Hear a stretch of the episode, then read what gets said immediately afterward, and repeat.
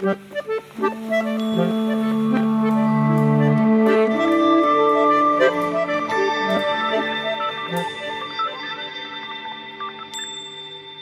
jeg ønske velkommen til podkasten Ytringsklima.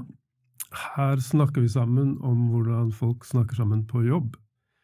Jeg heter Øyvind Kvalnes, og gjest i dag er min kollega professor Anders Dysvik. Velkommen i studio, Anders. Tusen takk for invitasjonen. Du er en av disse kortreiste gjestene. Det er veldig bærekraftig. Vi har rett og slett gått ned fra kontorene våre i Og vi gikk til og med trappa i stedet for å ta heisen, så Ja. det blir ikke mer bærekraftig enn det her. altså. Det blir ikke det. Så eh, jeg har invitert deg for å høre hva du tenker om ytringsklima på jobb, og koblet opp mot eh, din egen forskning. Og du har vært opptatt av mestringsklima versus rivaliseringsklima i, på, i organisasjoner, blant annet. Det har jeg. Eh, Så eh, hvis du tar på deg dine forskningsbriller og ser på dette fenomenet ytringsklima, hva eh, er det som slår deg da? Det begynte jo med at eh, da jeg jobbet med, med doktorgraden min, som nå føles som altfor mange år siden, så identifiserte vi der eh, forskjeller mellom det vi kan kalle mestringsorienterte og rivaliseringsorienterte ansatte. Ja.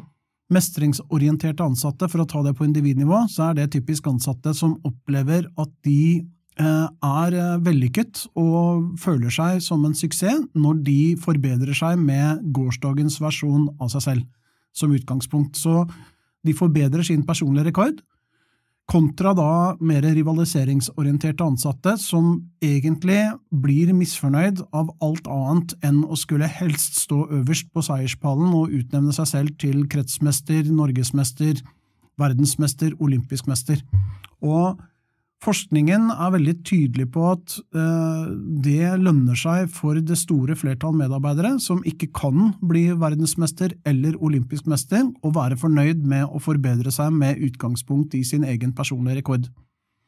Og Så hadde jeg jobbet en del år med det, og så ble jo jeg kjent med Christina Fantastico, som Arne ville kalle henne, Christina Nerstad, som jo er nå kollega hos oss og resignert på BI, heldigvis som da fokuserte på mestringsklima og rivaliseringsklima i sitt avhandlingsarbeid som hun var ferdig med i 2013. Mm. Og der er det jo mer en sånn hvordan er det hos oss? Altså hva vektlegges hos oss? Hva kjennetegner på en måte enheter og avdelinger som er vellykkede? Er det da de der mange når frem, eller er det da de enhetene og avdelingene der noen få trekkes frem på bekostning av mange andre? Og Kristina har jo blant annet sammen med meg og deg og andre gjort overbevisende forskning som viser at det er et mestringsklima det lønner seg å investere i størst mulig grad.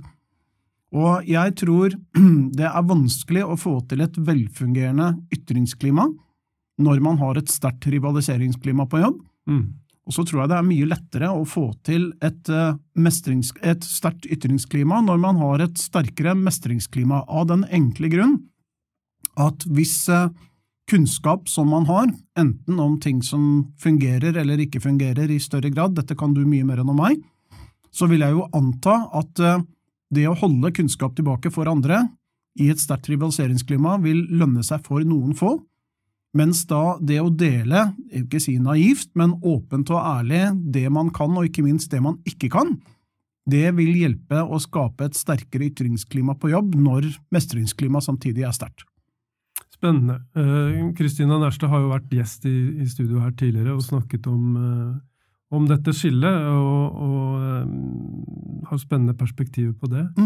Eh, Men hva tenker du deg, hva, hva kjennetegner måten folk snakker sammen på i et mestringsklima? Hvis vi tenker at de som hører på her, og de lurer på ja, jeg, jeg ønsker å dreie mitt eh, arbeidsmiljø med å bidra til et eh, mestringsklima. Mm.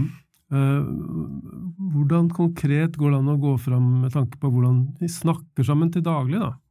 tror en klok person skrev en gang at det er verdt å merke seg at du har to ører og én munn, og det betyr at du skal bruke det det er flertall av, i større grad enn det det er mindretall av. Jeg tror et, eh, et sterkt mestringsklima kjennetegner at det er mye mer av eh, anerkjennende involvering fra kolleger. Så man stiller spørsmål til hverandre og etterspør tilbakemeldinger, etterspør initiativ, etterspør muligheten til at andre kan få lov til å vektlegge sine perspektiver. Man går ikke inn i en situasjon og har fasit eller har alltid det beste svaret selv, men man er oppriktig interessert på andres vegne, hva de kan, hva de kan bidra med. For husk på det at hvis man skal forbedre sin personlige rekord, så vil jo det kunne bli mye lettere hvis man har andre kompetente mennesker rundt seg, og man er nysgjerrig på hva de kan, og hva de kan lære bort der man ikke er selv ennå. Nettopp. Hvis du skulle peke ut noen uh, miljøer i Norge som er gode på mestring og på mestringsklima, så peke ut og si at der borte, der holder de på å få til noe spennende. Hva slags uh, organisasjoner er det du vil uh, rette oppmerksomheten på da? Jeg vet jo at dere har eh, latt dere fascinere og interessere nå av flere miljøer som jobber godt med dette. Olympiatoppen trekkes jo ofte fram, og mye av det som Marit Breivik tenker rundt lagidrett. Jeg vet også at du, Arne, helt sikkert har forelska dere og koser dere med Bodø-Glimt, som nå på en måte har virkelig tatt steget inn i crème de la crème, får vi si, av eh, utvikling eh, rundt fotballen. Når det gjelder organisasjoner som jobber systematisk med mestringsklima, så vil jeg også få lov til å trekke fram konsulentselskapet Miles, der nå Tom Georg Olsen, eh, nylig avgått konserntjener, jeg elsker jo den tittelen, er veldig tydelig på at eh, hvis du ikke er interessert i å utvikle de rundt deg til å bli bedre konsulenter, så har du ingenting i det selskapet å gjøre.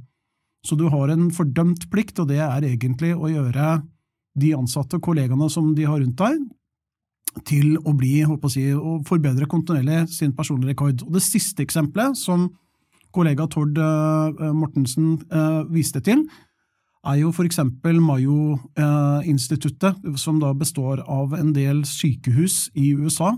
Det de har som fast inventar når det kommer nyansatte inn døra, det er at de skal rett og slett starte med litt internopplæring og fortelle andre kolleger hvor går forskningsfronten i feltet nå som de har fullført sin utdanning, sånn at de kommer fra dag én på jobb og opplever at de har noe viktig å, å, bidra med til fellesskapet, og ikke på en måte skal bli satt på plass fordi de bare er nyansatte.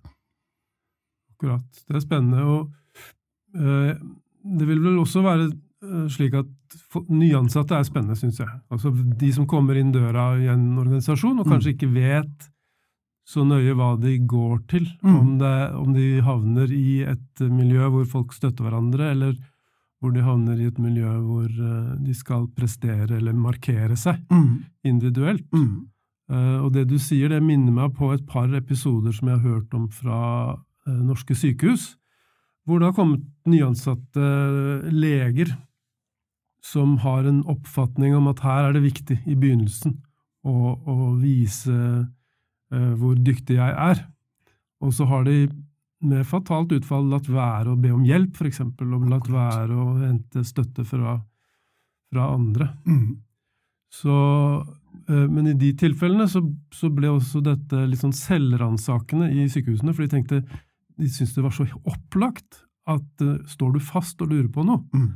så, så, henvender du deg til en kollega og spør hva, hva dette skjønner jeg ikke. Mm. Men, men, i et par av disse tilfellene da, så, så, tenker den nyansatte at jeg kan jo ikke gjøre det her i starten. Jeg må, jo, jeg må, jo, vise dem. Jeg må demonstrere hvor dyktig jeg er. For meg høres dette litt ut som et rivaliseringsklima, der man er litt sånn redd for å miste ansikt og redd for å bli oppfattet som at man ikke er eh, kompetent. Eh, når du prater nå, så kommer jeg på et utrolig morsomt eksempel også fra generaldirektøren i Redd Barna. Det hun fortalte meg, at hun gir alle nyansatte, det er en rød bok, eh, og den boka den kaller hun Fresh Ice. Og det de nyansatte får i oppdrag, det er at i løpet av uka som de da går rundt på jobb, når de da de ser at det er ting de lurer på, praksiser de syns virker litt rare, eller noe de kanskje opplever at de ikke får til, eller forslag til forbedringer basert på hvor de har jobbet før, så noterer de det ned i den røde boka. Og så kommer nøkkelen her. Hun har møter da jevnlig hvor hun går igjennom håper si, undringsloggen. Og det har fungert så bra med nyansatte at de har også innført det som et tiltak når eh, ansatte er ute i barselspermisjon. Og det, det da kaller de det refresh eyes. Ja, det er artig. Eh, dette er altså i Redd Barna, var det mm -hmm. Det? var det. For Birgitte Lange har jo også vært gjest her og snakket om uh, ytringsklima, og hvordan hun jobber med det i sin organisasjon. Utmerket. Eh, og blant annet så fortalte hun om eh, hvor kraftfullt det er når en leder forteller om noe de har gjort feil. Mm. Og hvor de kanskje har fått uh, tilbakemelding fra en ansatt om at uh, det du gjorde der, var ikke helt greit. Ja. Uh, også, også hvor kraftfullt det er når hun etterpå deler den historien i hele organisasjonen sin. Ja, og da er du inne på, ikke sant, Vi snakket om mestringsklima og rivaliseringsklima i stad, men du har jo også en annen fasett av dette som vi kaller psykologisk trygghet, som du helt sikkert har vært inne på tidligere også. Som du kan si, eh, det skal veldig mye til å ha et svakt ytringsklima når du har sterk grad av psykologisk trygghet. For da er du også inne på det som du sier i stad, Øyvind, med du vil ikke være redd da for å eh, rapportere en alvorlig feil, eh, så lenge du vet på en måte at det har litt positive konsekvenser. Og Der kommer jeg på ett eksempel nå. Eh, jeg tror ikke jeg skal si hvilket selskap det er, for det har jeg ikke fått avklart med HR-direktøren, men jeg holdt et foredrag for et stort eh, norsk selskap som jobber med annet applikasjonsutvikling. Og HR-direktøren der fortalte meg at det var en nyansatt som hadde vært på jobb i selskapet i knappe tre uker, satt og fikla med kode, og etter da litt god kodefikling så endte det opp med at hele applikasjonen gikk ned. Altså systemet sluttet å virke. Ja. Det ble helt svart. Ja. Og jeg tror det tok noe sånt som tre døgn før de fikk systemet opp på rulle igjen. Og da kan du tenke deg den nyansatte som da hadde vært der på jobb eh, no, knappe noen uker, var ganske svett i panna. Hva tror du HR-direktøren gjorde med vedkommende etterpå, når de hadde fått alt opp på rulle igjen? De tok seg en prat, tenker jeg. De tok seg en prat, og i Ja. tillegg til praten så fikk vedkommende et gavekort for å ha begått den største blunderen noensinne i selskapets historie. Takk Ja. for den fantastiske feilen du klarte å stelle i stand. Men det han også sa klokt, det var at hadde dette her skjedd når det hadde vært høysesong for den applikasjonen som de driver med, Mm. så hadde det vært helt krise. Eh, nesten på linje med Blikstunnelen, at man da ikke hadde fått ting til å fungere. Men det, takket være den fiklinga, så fant de ut av en blindside, og de berømmet også det at han hadde turt å stå fram og sagt at den tok jeg. Jeg har gjort, tror jeg har gjort en skikkelig alvorlig feil, dette må vi prøve å få finne ut av sammen. Ja. Jeg tror i sånne dramatiske tilfeller så vil noen ha en innskytelse om å skjule det, Mm. og noen vil, eh, vil dele det. Mm. Eh, og, men tilbake til den, eh, den, de to sykehushistoriene, så tror jeg noe av eh, refleksjonen der etterpå var eh, treng, hva, hva trenger vi å formidle til eh, nyansatte? Mm. For i disse tilfellene så tror jeg det egentlig faktisk var et mestringsklima, Mm.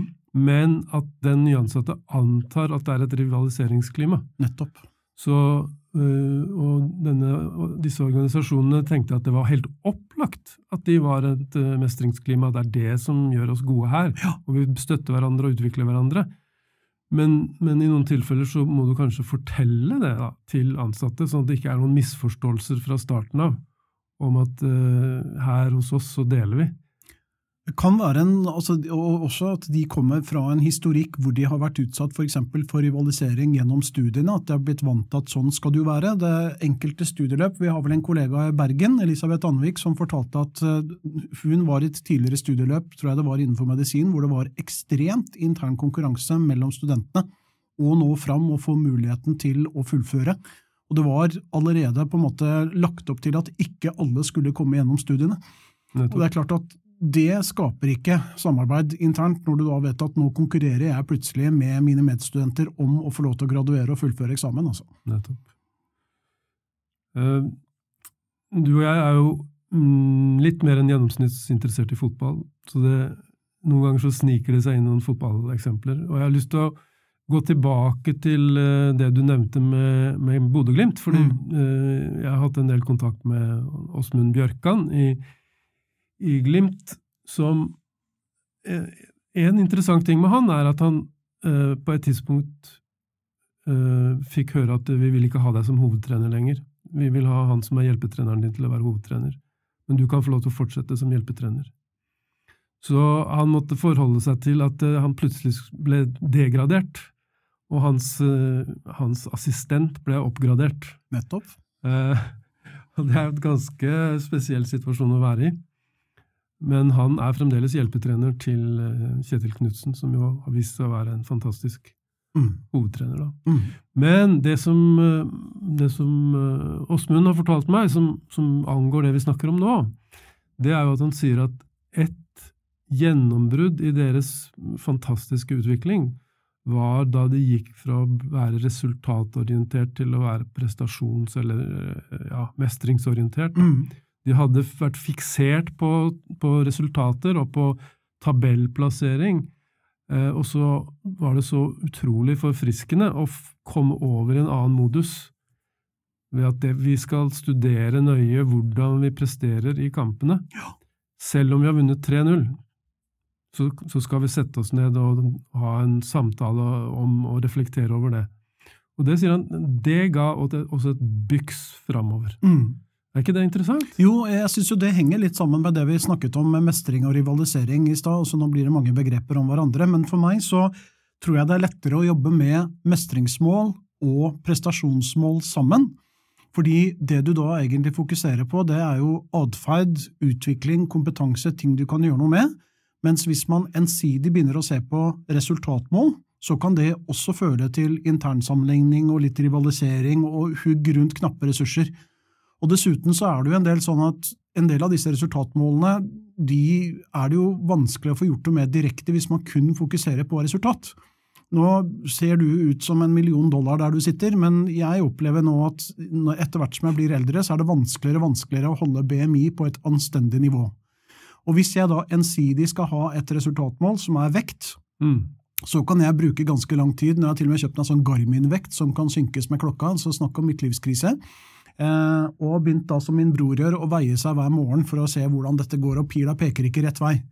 Hvis jeg da ensidig bare fokuserer på resultat, nemlig som er vekt, da får ikke jeg gjort noe med mitt mål, som er mindre BMI. Det jeg må gjøre noe med, det er å fokusere på prestasjonen som ligger til grunn for vektøkning, nemlig grad av fysisk aktivitet og kaloriinntak.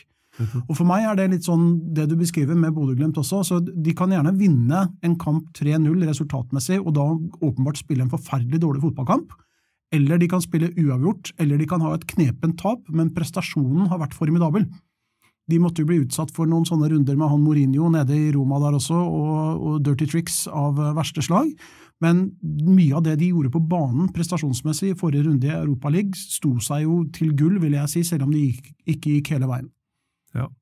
Og jeg tror de har vært veldig gode til å øh, liksom definere læringsmål og utviklingsmål, og se på dette som en trapp, utviklingstrapp. Ja. Eh, og at altså Fotballen er jo i seg selv veldig resultatorientert, så det er jo godt gjort å klare å dempe den delen for å skape ro rundt uh, uh, utviklingen Mm. felles utvikling, både individuell og felles utvikling. Ja. det, det både irriterende og imponerende å se hva de, hva de får, får til Ja, i nord. og nå er det kanskje litt mer motstrøms. Altså vi, vi, du og jeg er voksne nok til å huske hva som foregikk på 90-tallet, når Nils Arne Eggen og Rosenborg også herjet godt ute i Europa. og det, Med de pengesummene som nå er i internasjonal fotball, nå var vel eh, siste spiller ut var vel eh, Messi, som skal få x antall penger. og det er flere mennesker nå som drar til Saudi-Arabia for da å fremme menneskerettigheter eller egen lommebok, så kan man velge hva de legger fremst i pannebrasken. Men med de summene som er på bordet, så er det lett å tenke at det raskt går i retning av resultatorientering med kjappe resultater. Men så finnes det heldigvis også hederlige unntak. En av de tingene som kanskje du får eh, mulighet til å invitere inn, er jo Marius Johnsen, som skrev en masteroppgave der han fulgte Brynes 1999-årgang. Ja. Det de klarte med 1999-årgangen til Bryne, ref dette med mestring og rivalisering, det var at de klarte å beholde bredde, samtidig som de fikk fram toppspillere. Og da var det flere ting som de trakk fram som suksesskriterier. Det var å holde mennesker samlet i en gruppe, og heller nivådifferensiere på ferdigheter internt i øvelser. Legge opp til masse egenaktivitet, legge opp til understøttelse av bare rett og slett indre motivasjon og gøy og engasjement ved å spille fotball. Og så hadde de en trener som var en veldig klok mann, tror det er broren til Bjarne Berntsen, som var kjempedyktig og som så alle spillerne, inklusive de som ikke nødvendigvis da endte opp med å kanskje vinne The Treble, som nå da Haaland skal ut og se om han får gjort i morgen, i og med at det nå er dagen før mesterligafinalen her, da. Det blir spennende å se. Så det er, det er muligheter å, Ja. å få til dette. og jeg tror vi, Hvis vi, vi tar et steg også videre forbi fotballen, selv om du og jeg kan prate om dette i, på inn- og utpust, så er det faktisk sånn at i Norge så har vi begrenset antall med ressurser tilgjengelig for å utføre masse jobb som står foran oss. Og da er det for meg ganske logisk at man forsøker å tilrettelegge på en sånn måte at man får mest ut av de knappe ressursene man har. Og det gjør man nok ikke ved å legge opp til rivalisering, selektering, og at folk går rundt på jobb og føler at de er mindreverdige sammenlignet med andre. Nettopp. Eh, en ting jeg kunne tenke meg å høre dine tanker om, det er det som handler om friksjon og uenighet. Det er, har vært et grunntema som jeg har snakket med flere mennesker om i dette, dette rommet her. Og øhm, hvordan henger det sammen med mestringsklima og rivaliseringsklima? Hva slags, øh, hva slags type tilbakemeldinger som kan være skarpe og være, handle om øh, motstand, øh, foregår i et mestringsklima, vil du si? Hva, hva man trenger å være, få til da for at det skal svinge av det? Dette er et litt sånn klassisk 'det kommer an på'-spørsmål. Eh, Ja. Her tror jeg i første rekke dette kommer an på kvaliteten på relasjonen mellom de to menneskene som er i friksjon. Har man, eh, og la oss si at det er leder-medarbeider eller medarbeider-medarbeider, har man et tillitsfull relasjon hvor man vet at dette er en person som ønsker meg vel, det kan være en person som blir engasjert i diskusjoner, har skarpe meninger, har mye kompetanse, så tror jeg at man er langt mer positivt innstilt til å motta kritikk, så lenge den oppleves som konstruktiv og ikke altfor spiss og altfor sårende. Men hvis dette er en person man er usikker på hvor man har, eller begynner å bli ganske sikker på at det tyder på at denne personen egentlig ikke ønsker meg noe særlig vel, og jeg får denne tilbakemeldingen for at han eller hun skal prate meg ned sånn at de kan føle seg litt bedre selv, da tror jeg den samme potensielle tilbakemeldingen som da er kanskje ment å fremme en slags friksjon eller utvikling, den vil ikke falle like god jord. Så jeg tror nøkkelen for å forstå når kan friksjon være gunstig, når kan det være mindre gunstig, det avhenger veldig av kvaliteten og tilliten til den som gir den tilbakemeldingen, og også er åpen for en respons tilbake. Nettopp. Jeg syns dette er krevende. Og vi, du og jeg kommer jo opp i det når vi skal være veiledere for Mm. studenter. Og vi kan lese en tekst og tenke her trengs det friksjon, her trengs det motstand for å hjelpe studenten videre Mm. til å utvikle dette. Mm. Uh, Men så risikerer vi jo å gjøre den andre motløs på et vis, hvis, uh, hvis den andre tolker dette som at uh, Eller får dette til å se helt svart ut, på en måte. Ja, vi gjør det, vet du. Og det er Lev Vygotsky, som var en sånn sovjetpedagog som levde tilbake på starten av 1930-tallet, han beskriver jo det som han kaller sonen for den nærmeste utvikling. Eh, Det ble senere på en måte tatt med til Vesten av Bruner, som beskrev en prosess som heter scaffolding, altså at, vi bygger et stillas rundt eleven, og så skriver vel Vygotsky noe sånt som at det man gjør i samarbeid med en mer kompetent annen i dag, det gjør man selvstendig i morgen. Utfordringen vi har når vi skal veilede og vi skal prøve å utvikle, det er at si, hvordan stillaset skal se ut og hvordan det skal utformes, det må vi nesten prøve å tilpasse individuelt. For jeg regner med at både du og jeg har hatt studenter hvor vi har tenkt at det som nå vil være en fantastisk prestasjon for vedkommende, det er å fullføre studiet, kontra at man har hatt studenter som man ser at her er det potensial til enda mer enn det. altså De kan til og med også ende opp med å spille spiss på Manchester City, som ikke er alle forunt, selv om det også er feil lag i England. da. Det er jo det. Ja. Men jeg tror, jeg tror, jeg tror vi møter eh, andre, vi møter studenten, la oss si, da, med noen antakelser om hva han eller hun vil tåle av Mm. kritikk. Uh, hvor langt kan jeg gå i å være klar og tydelig på dette? Eh, og de antakelsene, noen ganger stemmer de, og noen ganger så stemmer de ikke. ikke sant? Ja, Så det der vi må sjekke ut den relasjonen. er vel litt tilbake til legene dine i stad. Hvis man tar for gitt at sånn skal det jo være, og dette skjønner de sikkert, og sånn kan de veilede, så kan det være at man feiler like mye der som man gjør for disse nyansatte legene. At man heller er kanskje tydelig på å prøve å avklare forventninger. Det eh, Denise Rousseau ville omtalt som å undersøke litt rundt den psykologiske kontrakten. altså Hvilke oppfatninger har de, hvilke forventninger har de, hvordan kan man prøve å gjøre de mer eksplisitt? Nettopp. Jeg tenker dette kan gå i begge veier. Jeg kan mm, undervurdere den andre og tenke dette er egentlig en person som jeg må være forsiktig med. Mm. Men så viser det at den personen egentlig hadde tålt mye mer Mm. motstand. Mm. Med, og det motsatte. At jeg ser en person og tenker hun er robust. Hun kan ta uh, ærlig, tøff tilbakemelding. Ja. Og så viser det seg å være feil. Og der er du inne på noe som jeg, det er en kjepphest som jeg har på en måte ridd med lenge, men dette med å være veldig varsom med å, å si, selektere bort og sette folk i bås for tidlig. Mm. Der bør vi ikke på en måte komme altfor mye inn på fotballen, men jeg mener at mye av talentutviklingen og spilleutviklingen det gjøres på et altfor tynt grunnlag, og at man i en alder av 12-13 år kommer fram til mennesker om at nei, fotball ligger nok ikke for deg.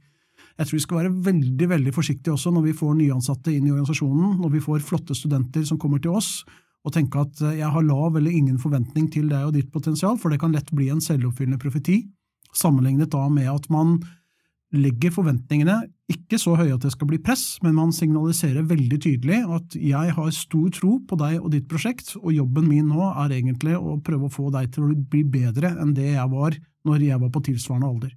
Ja, og der tror jeg det er klare overføringsverdier til det veiledningsarbeidet vi gjør, Ja. og kanskje også det støttearbeidet som en leder gjør overfor eh, yngre medarbeidere eller nye medarbeidere. Og Da er det sånn, og det kan du mer enn over meg, men da vil jeg jo anta at dette med et ytringsklima, eh, det er også da rom for å kunne være ærlig og åpen og sårbar på disse tingene, spesielt da fra kanskje litt den som er litt mer junior, opp mot de som er senior, uten at man skal oppleve at man blir satt i bås eller blir kastet til ulvene eller kappa hua. Ja, Nettopp. Dette er veldig spennende, Anders, og jeg ser at det er fine koblinger mellom den eh, forskningsinnsatsen du har vært eh, med på, og den, de tingene jeg baler med innenfor uh, ytringsklima.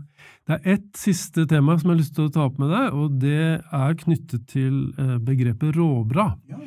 både du og jeg heier jo på Marianne Nordhov, som har vært med på å lansere råbra-konseptet. Uh, og det handler jo om å melde inn positiv innsats hos kollegaer.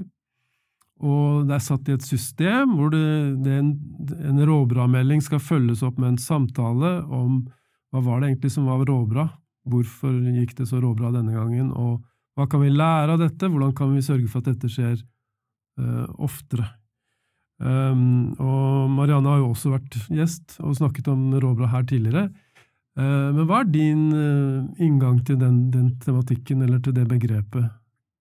Jeg må jo først si at jeg har veldig sans både for eh, Marianne og initiativet og engasjementet som hun og andre eh, viser rundt omkring nå i Norge med å få fokus på vekk fra eh, avviksrapportering som noe ensidig negativt. Det er også eh, selvfølgelig viktig å ta tak i ting som ikke virker, men jeg heier veldig på tanken om at man kan identifisere det fremragende også. Eh, når det gjelder da, Nå skal vi i gang og forske på dette også, du og jeg blant annet, sammen med, med Marianne og andre. Men jeg tror dette er igjen et litt sånn det kommer an på-spørsmål.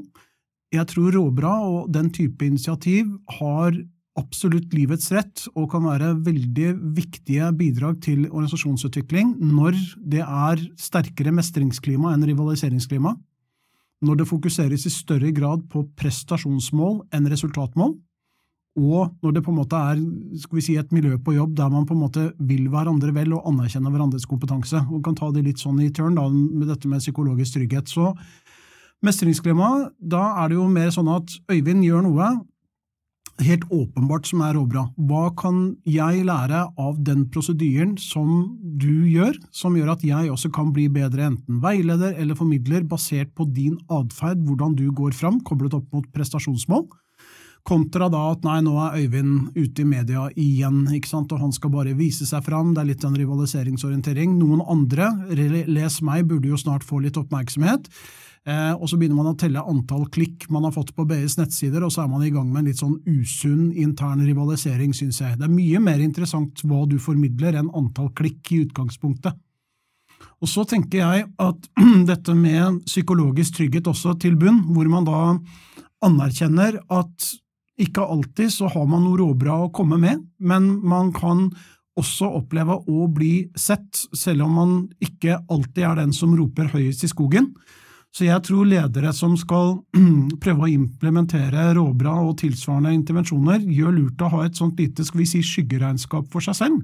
Ja. Der de tenker litt igjennom ok, gitt nå de ansatte jeg har gleden av å følge opp i hverdagen, hvem vil jeg si at jeg har en god, avklart, tillitsbasert relasjon til? Hvem er det jeg ser i mindre grad, hvem er jeg litt usikker på, hvem er det på en måte lenge siden jeg har på en måte vært ute etter å ta og gjøre en god jobb og følge de litt opp, og at man da prøver å være litt bevisst at kun sånn åpen dørs-politikk med oppfølging kan innebære at det er en del mennesker som oppsøker deg jevnlig og hyppigere enn andre, og kommer inn den åpne døra. Så jeg tror vekker man eh, fokus vekk da fra personen og resultatet, mer opp imot jobbadferden og prestasjonen og hva det kan bidra med til avdelingen, så tenker jeg at disse råbra-initiativene og andre typer ting er veldig nyttige eh, for å få til organisasjonsutvikling. Fordi de gode prosessene og de gode casene de avdekkes, og så er det ikke så veldig veldig viktig hvem som gjør jobben på slutten av dagen, men det er hva som gjøres. Nettopp. Jeg har, jeg har tatt med meg råbra-konseptet når jeg har Eh, besøkt organisasjoner og stilt spørsmålet til ulike grupper hva, hvordan vil det være å lansere noe sånt som dette hos dere. Mm. Uh, og på den ene siden så, så tar folk veldig positivt imot, imot og tenker på at dette er en sånn måte å framsnakke folk på en, på en systematisk måte. Uh, på den andre siden så finnes det en viss skepsis som går på at dette her er nok et tiltak som får noen til å mm. skinne. Mm. Eh, det er kanskje de som allerede skinner, mm. Eh, og får andre til å havne mer i mørket. Mm. Og det blir enda tydeligere forskjeller mellom de som, eh, som er aktive, engasjerte og finner på morsomme ting, mm. og de som eh, ikke gjør det. Så det, det, ligger en mulig fallgruve der, da, tenker jeg. Ja, jeg tror det er en gnisning der. Jeg er tilbake til det med friksjon. Og så tror jeg også at, og dette skal vi jo, nå er det foreløpig hypoteser, for vi skal forske på dem, men hvis man kan få aktivert si, grupper av ansatte, enheter av ansatte som jobber sammen, eh, enn at dette er opp til enkeltpersoner og deres initiativ, så er jo også sannsynligheten større for at disse praksisene setter seg og blir en del av handlingsmønsteret når eksempel lederen går videre.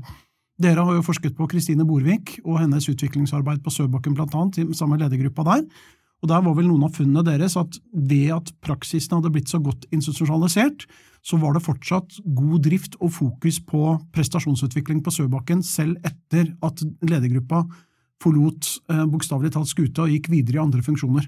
Ja. Og Det er den type spor jeg tror er viktig at man skal få satt seg, hvis det skal bli noe mer enn et sånt blaff og hype, dette her. Nettopp. Ja, det med å sette spor syns jeg er spennende, og det, jeg har lyst til å avslutte med et uh, eksempel på det. fordi i, innenfor dette feltet så snakker vi ofte om småskrittsforbedringer, ikke sant? At vi noen, tar noen små skritt. og det å lansere uh, råbra, det kan være ett skritt for å utvikle og forsterke ytringsklima. Um, Arne Karlsen har jo fulgt utviklingen ved Elvebakken videregående skole. Mm -hmm. og rektor der, Per, per Solli. Eh, og noe av det som eh, Per gjorde ved Elvebakken, var å innføre en tradisjon med å si hei til folk. At folk skulle si hei til hverandre. Så han gjorde Søbakken til en hei-skole. og for en stund siden så møtte jeg en, en elev ved Elvebakken som hadde begynt der, og det er da noen år siden Per gikk av med pensjon. Så spurte jeg har du hørt om, om Per Solli. Og så sa hun å ja, det er jo han som gjorde Elvebakken til en heiskole, sa hun. Ja. Så det sitter i veggene selv eh, flere år etter at han har gått av og forsvunnet. Så, så jeg tror jo eh, ledere og medarbeidere har sjans til å sette noen sånne spor. Mm. Og, det tror jeg også er uh, nøkkelen for at uh, råbra skal bli, utvikle seg videre også. At det er satt i gang noen bevegelser som, som uh, inspirerer andre, og så smitter det over, og så, og, så, og så, får man forsterket ytringsklima på den måten. Men jeg vil si tusen takk til deg, Anders. for at du tok deg tid til å bli med ned i kjelleren her og ta en prat om ytringsklima. Tusen takk for at du kom. komme.